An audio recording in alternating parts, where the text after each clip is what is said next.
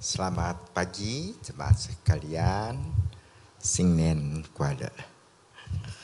Mari kita bersama-sama kita mohon pimpinan Tuhan terlebih dahulu. Kita boleh bersama-sama berdoa. Bapa kami yang ada dalam surga, kami sungguh berdoa kiranya Tuhan boleh menolong setiap kami pada waktu kami merenungkan firman Tuhan Sedemikian rupa kami merenungkan sehingga kami boleh mewujudkannya dalam kehidupan kami sehari-hari. Ya Tuhan, kami ingin menyerahkan semuanya ini ke dalam tangan Tuhan. Dalam nama Tuhan Yesus kami berdoa. Amin. Mari kita akan membaca satu bagian daripada firman Tuhan. Kita akan membaca dari Roma pasal 13 ayat yang ke-8. Roma pasal 13 ayat yang ke-8. Saya akan membacakannya.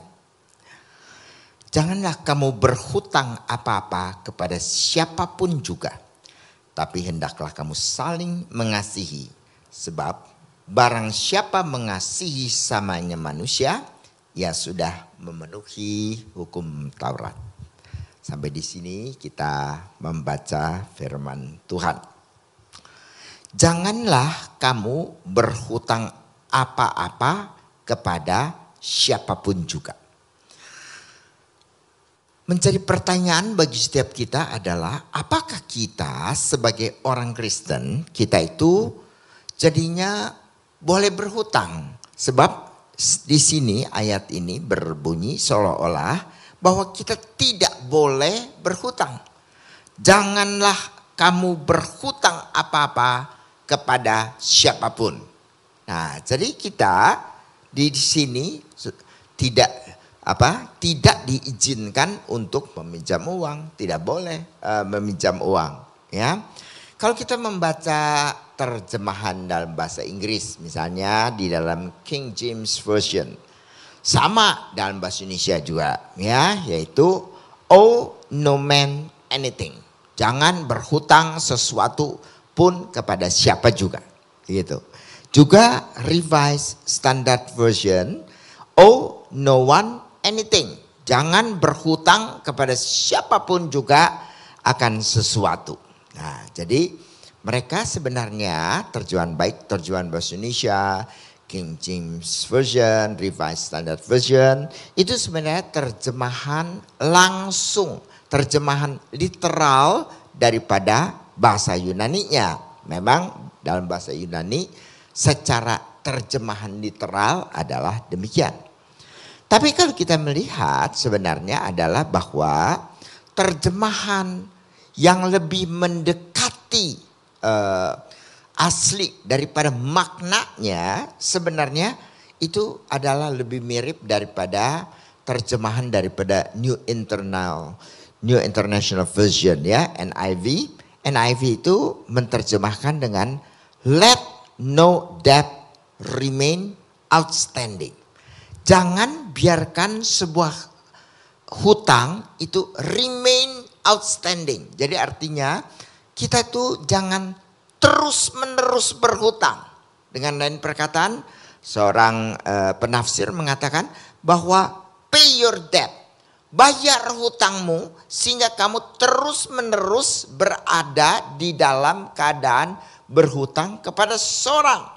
Jadi kita lihat di sini bahwa Alkitab sebenarnya bukan melarang kita untuk meminjam uang, tapi yang dilarang adalah untuk membiarkan hutang itu terus menerus outstanding, terus menerus ada ya eh, dengan tidak membayar hutang kita. Nah, itu yang dilarang oleh Alkitab ya.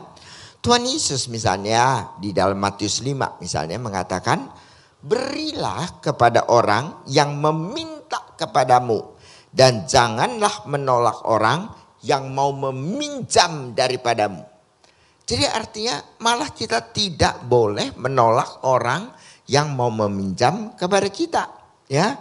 Dan beberapa ayat lainnya misalnya Bapak Ibu bisa lihat di rumah misalnya dalam Keluaran pasal 22 ayat 25, Mazmur 37 ayat 26, Lukas pasal 6 ayat 35 itu semua memberikan indikasi kepada kita bahwa Alkitab tidak melarang kita untuk meminjam uang ya atau meminjamkan uang.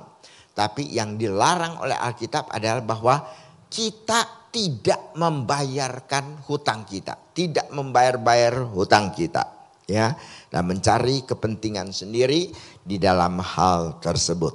Nah, itu yang sebenarnya diinginkan uh, oleh Alkitab ya bahwa kita tidak uh, berhutang, tidak membiarkan hutang kita tidak terbayar, tapi kita harus melunaskan hutang kita. Ada berhenti berhutangnya. Tapi ada satu hutang yang malah kita diharuskan terus menerus berhutang. Yaitu Paulus bilang, hendaklah kamu berhutang kasih. Ya, jadi kita di sini terus menerus, terus menerus kita berhutang.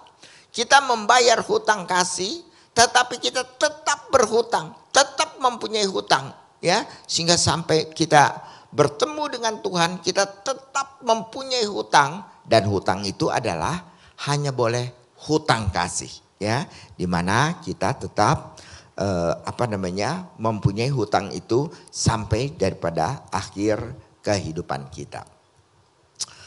Tuhan Yesus memang kita lihat bahwa juga meringkaskan seluruh hukum Taurat ya.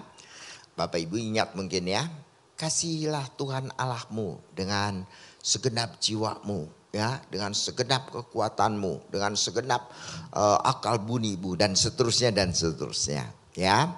Dan hukum yang kedua adalah kasihilah sesamamu manusia seperti diri sendiri, ya. Jadi kita lihat bahwa di dalam kedua hukum ini itu mengikuti apa yang diajarkan oleh Tuhan Yesus, yaitu kita harus mengasihi Tuhan, harus mengasihi sesama kita manusia, ya. Nah, yang per, menjadi persoalan bagi kita adalah bahwa apakah ini sekedar menjadi sebuah kalimat perintah. Kasihilah Allahmu. Oh, oke, okay. disuruh mengasihi. Udah beres.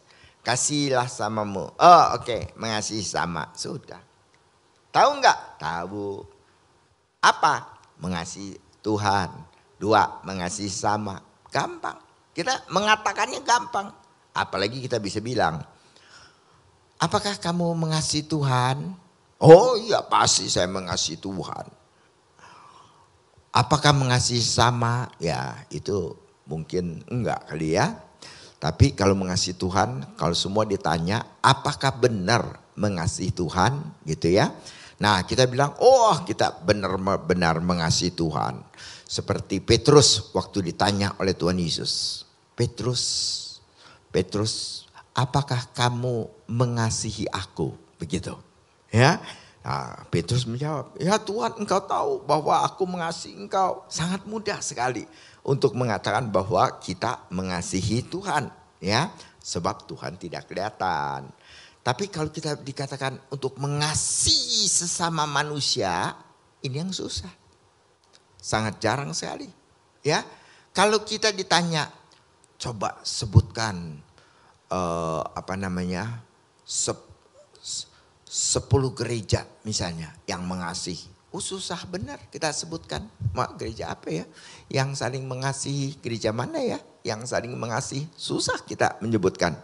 Tapi coba kalau disuruh sebutkan sepuluh gereja yang berantem melulu begitu kan? Wah kita bisa sebutkan Ya, ini contohnya ada gereja ini, ada gereja itu, ada gereja ini, ada gereja itu dengan mudah kita menyebutkan. Nah, jadi kita lihat bahwa e, perintah untuk saling mengasihi sesama kita manusia itu menjadi sesuatu yang bukan sekedar perintah sebenarnya. Karena kita tidak melihat orang menjalankan dalam kehidupan kita sendiri. Ya. Nah, misalnya begini. Perintah itu diberikan kepada orang Kristen aja dan mengasihi sesama orang Kristen atau mengasihi semua manusia. Ya. Nah, kalau kita memang ada ya, hendaklah kamu berbuat baik tapi terutama kepada sesama saudara siman. Ada tuh ayat yang demikian ya. Di situ kita dituntut untuk lebih memperhatikan saudara kita yang seiman.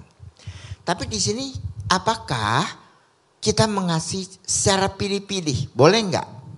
Apakah ini dimaksudkan betul-betul seluruh manusia? Kita mengasihi semua manusia. Nah, sayangnya di dalam ayat ini menyatakan bahwa kita harus mengasihi semua sesama kita. Jadi nggak bisa pilih-pilih. Misalnya begini, misalnya begini.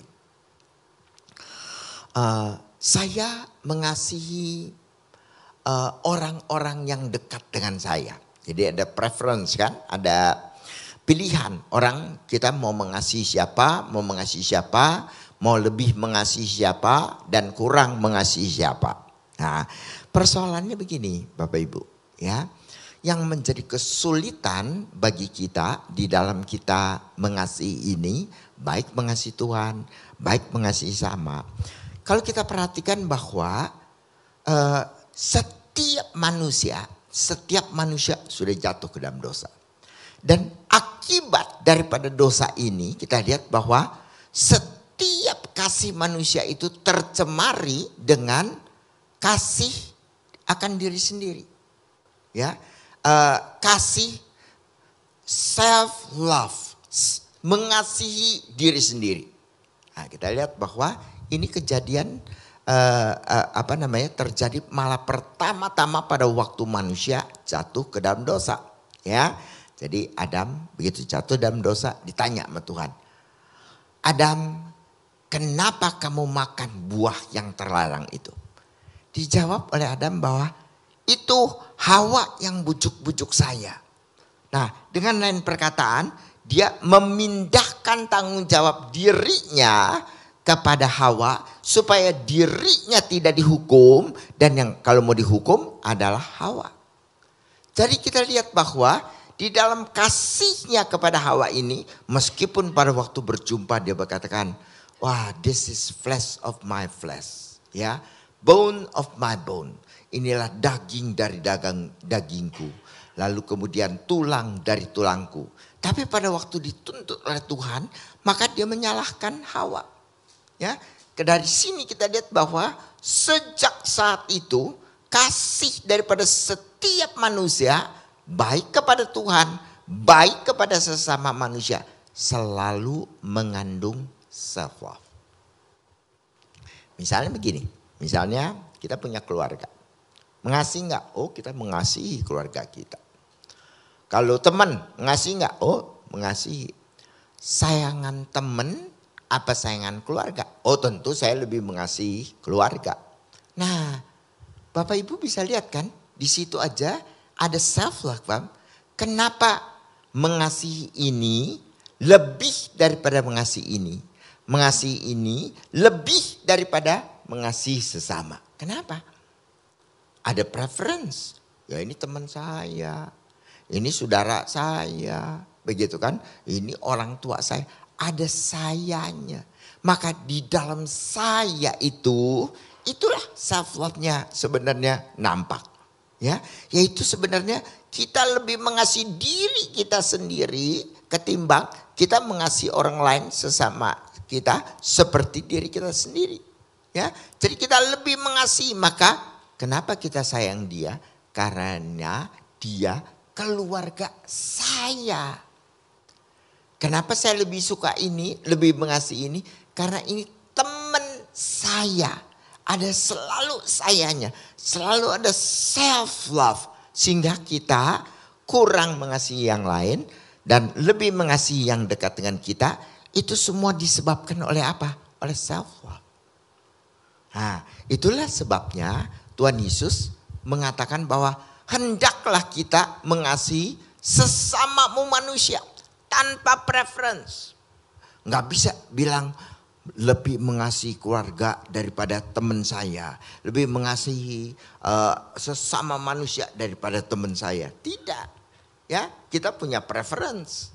Preference itu muncul karena apa? Karena kita punya self love. Karena kita mengasihi diri sendiri. Nah, itu yang menjadi persoalan bagi setiap kita pada waktu kita mengasihi. Ya. Bahkan pada waktu kita bilang kita mengasihi Tuhan, itu juga sebenarnya dikuasai oleh self love. Ya. Misalnya uh, kita nyanyi tadi lebih apa ya? Lupa kata-katanya. lebih de lebih dalam. Sorry, sorry, sorry lupa. Lebih dalam lagi ku cinta kau Tuhan. Benar nggak cinta? Oh benar, ku cinta kau Tuhan. Kita nyanyi juga sambil meremelek. Maksudnya kali lipat sih sebenarnya ya. Tapi kita meremelek. Wah kalian, ku cinta kau Tuhan. Sungguh nggak meng mengasihi? Oh sungguh. Ya. Tapi kita mencintai Tuhan karena apa? Tuhan membuat engkau dari miskin jadi kaya. Coba dibalik lagunya. Tuhan membuat engkau dari kaya jadi miskin. Misalnya. Wah kita marah sama Tuhan ini. Mengasihi enggak? Sungguh mati Tuhan yang ini enggak dong. Ya, Karena apa? Karena dia membuat, memberi keuntungan pada saya. Membuat saya miskin jadi kaya. Kalau Tuhan membuat saya kaya jadi miskin, kurang ajar tuh Tuhan. Nah, kita lihat kan, kita sebenarnya mengasihi Tuhan enggak. Tetap kita mengasihi diri. Kalau Tuhan membuat sesuatu yang jelek sama kita, kita marah. Jadi kita tidak mengasihi Tuhan, kita mengasihi diri kita sendiri. Kita mau Tuhan yang baik buat saya, ya, melakukan perbuatan yang baik sama saya, ya. Jadi sampai akhir hidup kita satu hal yang mengganjal kita adalah self love, mengasihi diri sendiri. Tapi Tuhan Yesus juga tahu kita itu kasihnya selalu tercemari dengan kasih kepada diri sendiri. Ya. Nah, jadi pada waktu kita mengasihi diri sendiri, ya, maka Tuhan tuh memberikan perintah khusus ya. Jadi pertama, kasihilah Tuhan Allahmu dengan segenap jiwamu, dengan segenap kekuatanmu, dengan segenap akal budimu, dengan segenap, dengan segenap daripada diri kita, seluruhnya dari diri kita. Ya, ini masih mungkin terjadi karena Tuhan tidak berwujud. Ya, tapi sekarang perintah yang kedua adalah kasihilah sesamamu manusia. Wah, celaka. Ini lebih lebih susah dibohongin. Begitu kan? Ada orang yang menyebalkan kita sebel banget. Bagaimana kita mengasihinya. Begitu kan? Nah itu sebabnya Tuhan Yesus kemudian memberikan suatu qualifier. Satu persyaratan ya. Kasihilah sesamamu manusia seperti dirimu sendiri. Jadi kita mengasihi Tuhan Yesus juga tahu kita mempunyai self love maka kita mengasihi seperti dirimu sendiri.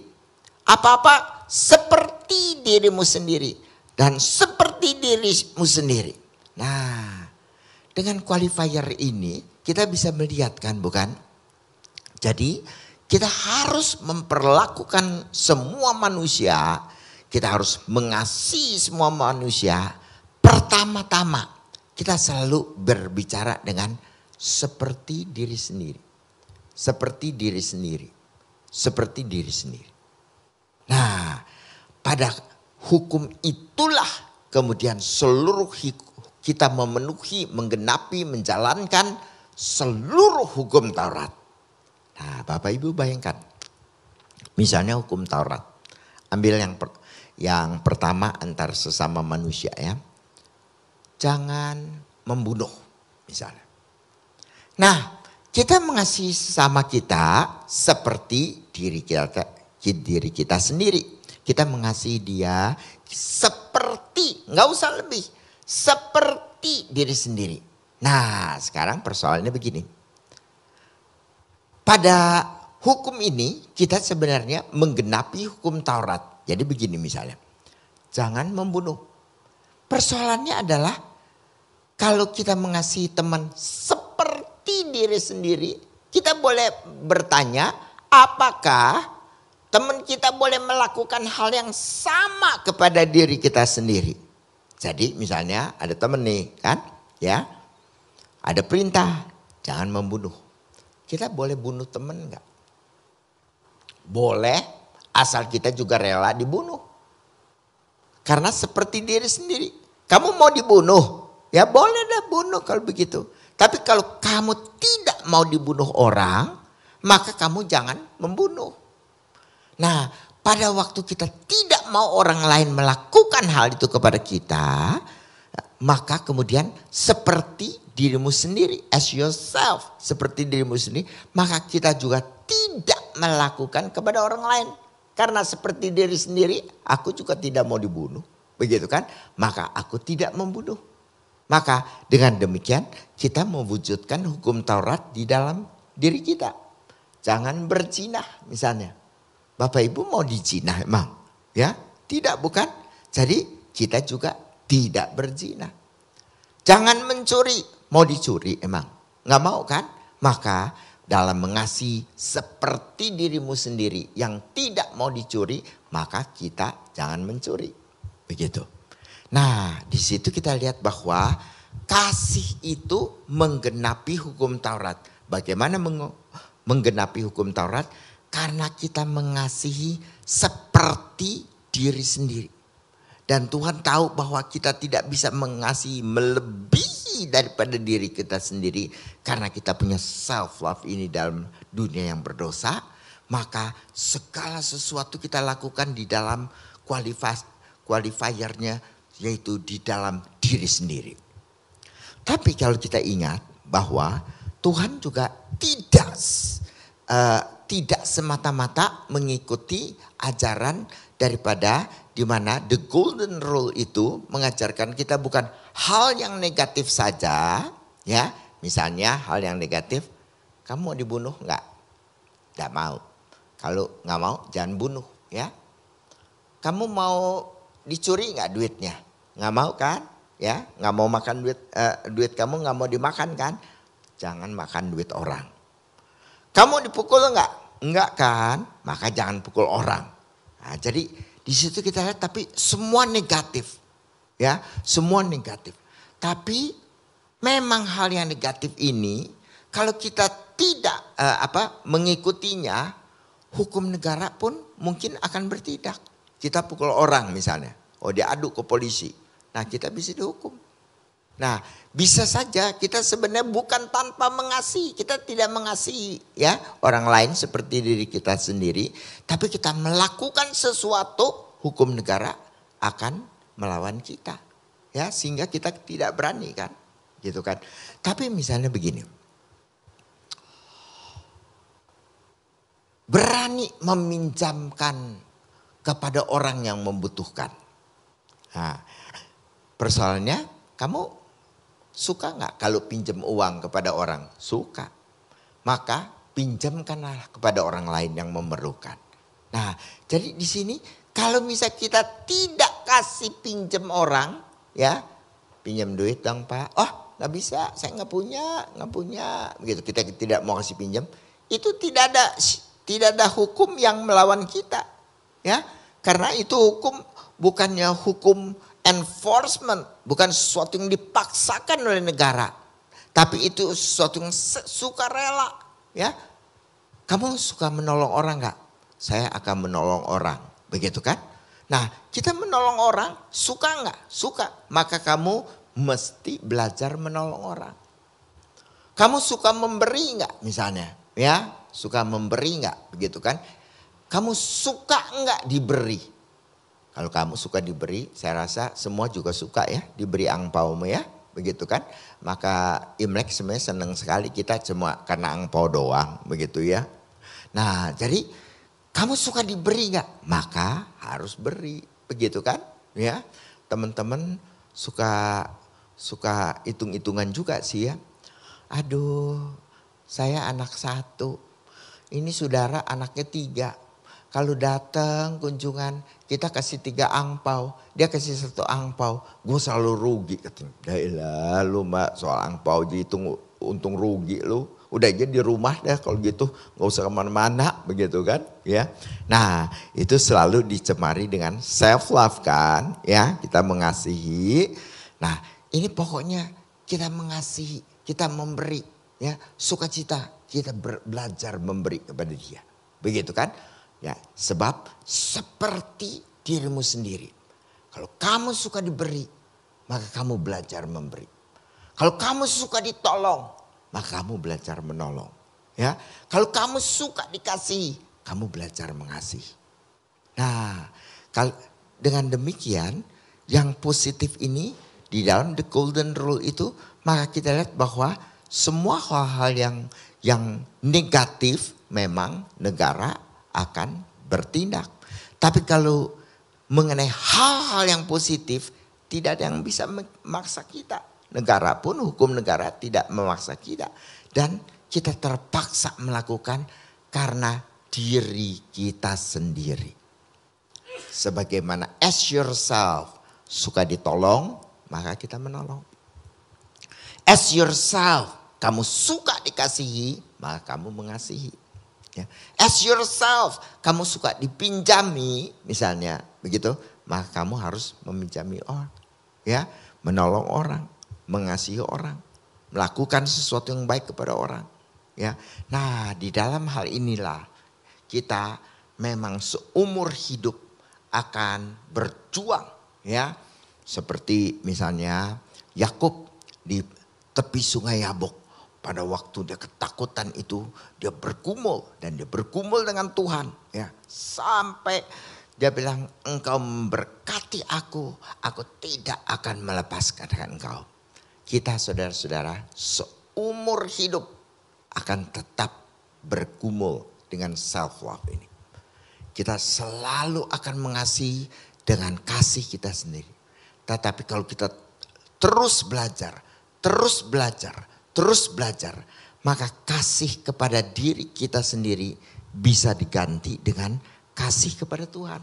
Dan kalau di dalam diri kita mempunyai kasih betul-betul kepada Tuhan yang tidak dicemari dengan diri kita sendiri, kasih diri kita sendiri, maka di situlah kita dapat mengasihi lebih secara penuh kepada kepada sesama kita, kepada sesama kita, ya. Tapi memang sampai kita bertemu dengan Tuhan sepenuhnya kita tidak mungkin menghilangkan self love ini. Selalu ada egoisnya, selalu ada kepentingan dirinya, ya. Tapi kita harus berjuang. Kita harus terus berjuang. Kita harus terus melawan self love ini. Kita lawannya bukan dengan mengasihi sesama kita, Sebab pada waktu kita mengasihi sama kita, kita mengasihi seperti dirimu sendiri. Maka self love itu kita kalahkan dengan apa? Dengan love God. Dan hanya dengan love God kita bisa mengasihi melampaui diri kita sendiri. Nah dengan kasih kita kepada Tuhan itulah kemudian baru kita mengasihi sama kita. Ya, dan di situlah kegenapan daripada hukum kasih itu dapat diwujudkan yaitu pada waktu kita saling mengasihi dan saling mengasihi kita bukan sekedar dengan kasih kita sendiri yang dicemari dengan self love, dikotori dengan self love, dikuasai oleh self love, tapi kita mengasihi sama kita dengan kasih kita kepada Tuhan.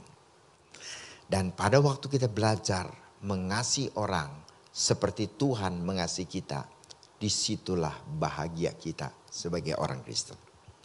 Pada waktu kita benar mengasihi, maka di situlah letak kebahagiaan daripada orang Kristen.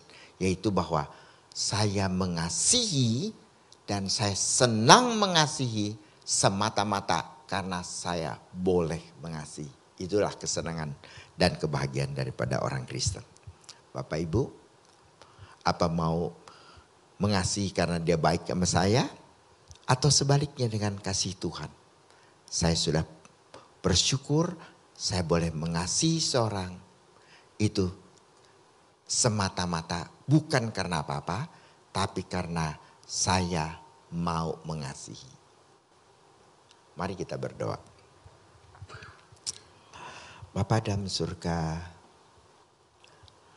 ajar kami ya Tuhan mengasihi. Satu perintah yang sederhana, tapi yang sukar kami wujudkan dalam kehidupan kami sendiri. Ya Tuhan kami tahu kami harus bergumul. Bergumul seumur hidup kami melawan self love. Kami sungguh-sungguh mengalahkan self love kami melalui kami mengasihi Tuhan. Biarlah Tuhan kami boleh belajar mengasihi Tuhan dengan sungguh. Lebih dekat dengan Tuhan. Lebih mengasihi Tuhan. Lebih hidup semata bagi Tuhan. Dan di situlah letak justru kebahagiaan kami pada waktu kami dapat mengasihi sesama kami dengan kasih kepada Tuhan. Dengan kasih agape. Dengan kasih daripada Tuhan sendiri yang menguasai hati kami. Tolong kami ya Tuhan untuk terus bergumul. Untuk terus berjuang. Untuk terus mengalahkan self love kami. Sehingga kami dapat mengasuh sesungguhnya sesama kami seperti perintah daripada Tuhan. Terima kasih ya Tuhan, tolong kami. Dalam nama Tuhan Yesus kami berdoa. Amin.